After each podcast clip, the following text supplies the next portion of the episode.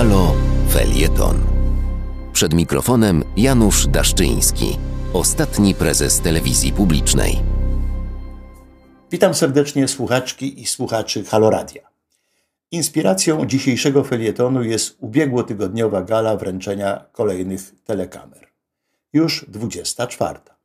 Gala transmitowana przez coraz silniejszą telewizję Puls.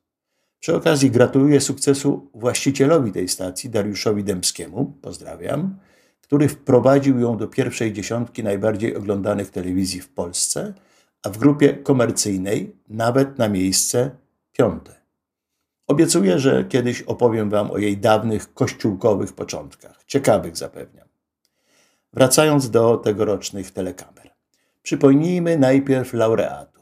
Kategorii najlepsza aktorka zwyciężyła Małgorzata Socha, najlepszy aktor to Maciej Sztur, najlepszy serial Brzydula, najlepszy serial fabularno-dokumentalny Sprawiedliwi Wydział Kryminalny, osobowość telewizyjna to Przemek Kosakowski, najlepszy prezenter informacji Piotr Kraśko, prezenter pogody Bartek Jędrzejak, najlepszy komentator sportowy Jerzy Mielewski, najlepszy juror Kleo i najlepszy program rozrywkowy Nasz Nowy Dom.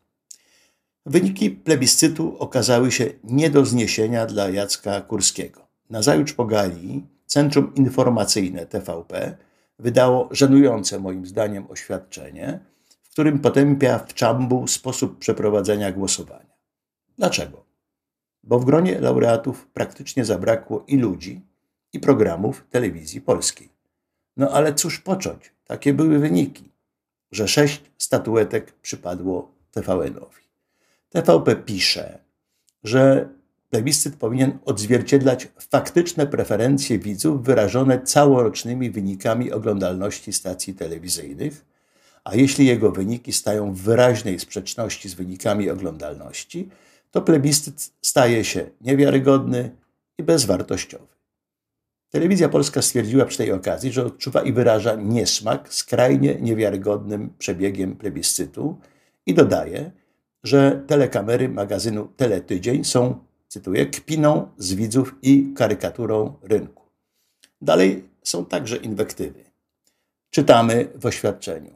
Gala telekamer, podczas której w większości wygrał szorujący po dnie oglądalności TVN, TVN masowo zwalniający dziś dziennikarzy, wyglądała na ustawkę i rozpaczliwą walkę, walkę dyrektora programowego TVN, pana Miszczaka, o przetrwanie.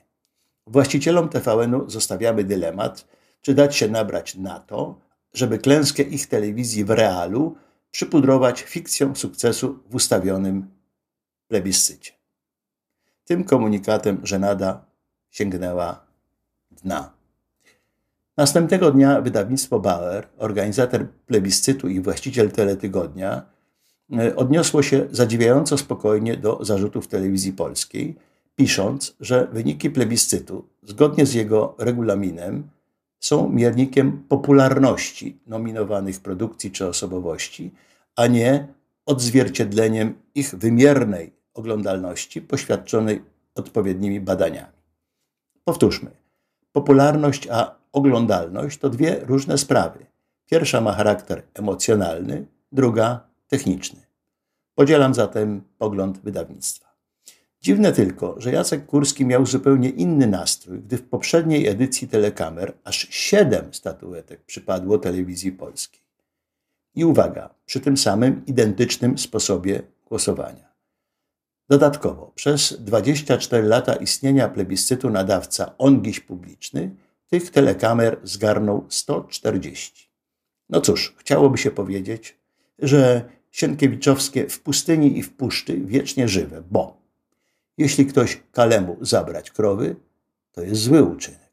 Dobry to jak kali zabrać komuś krowy. Do usłyszenia do wysłuchania kolejnego felietonu Janusza Daszczyńskiego zapraszamy w następną środę o godzinie 12.50.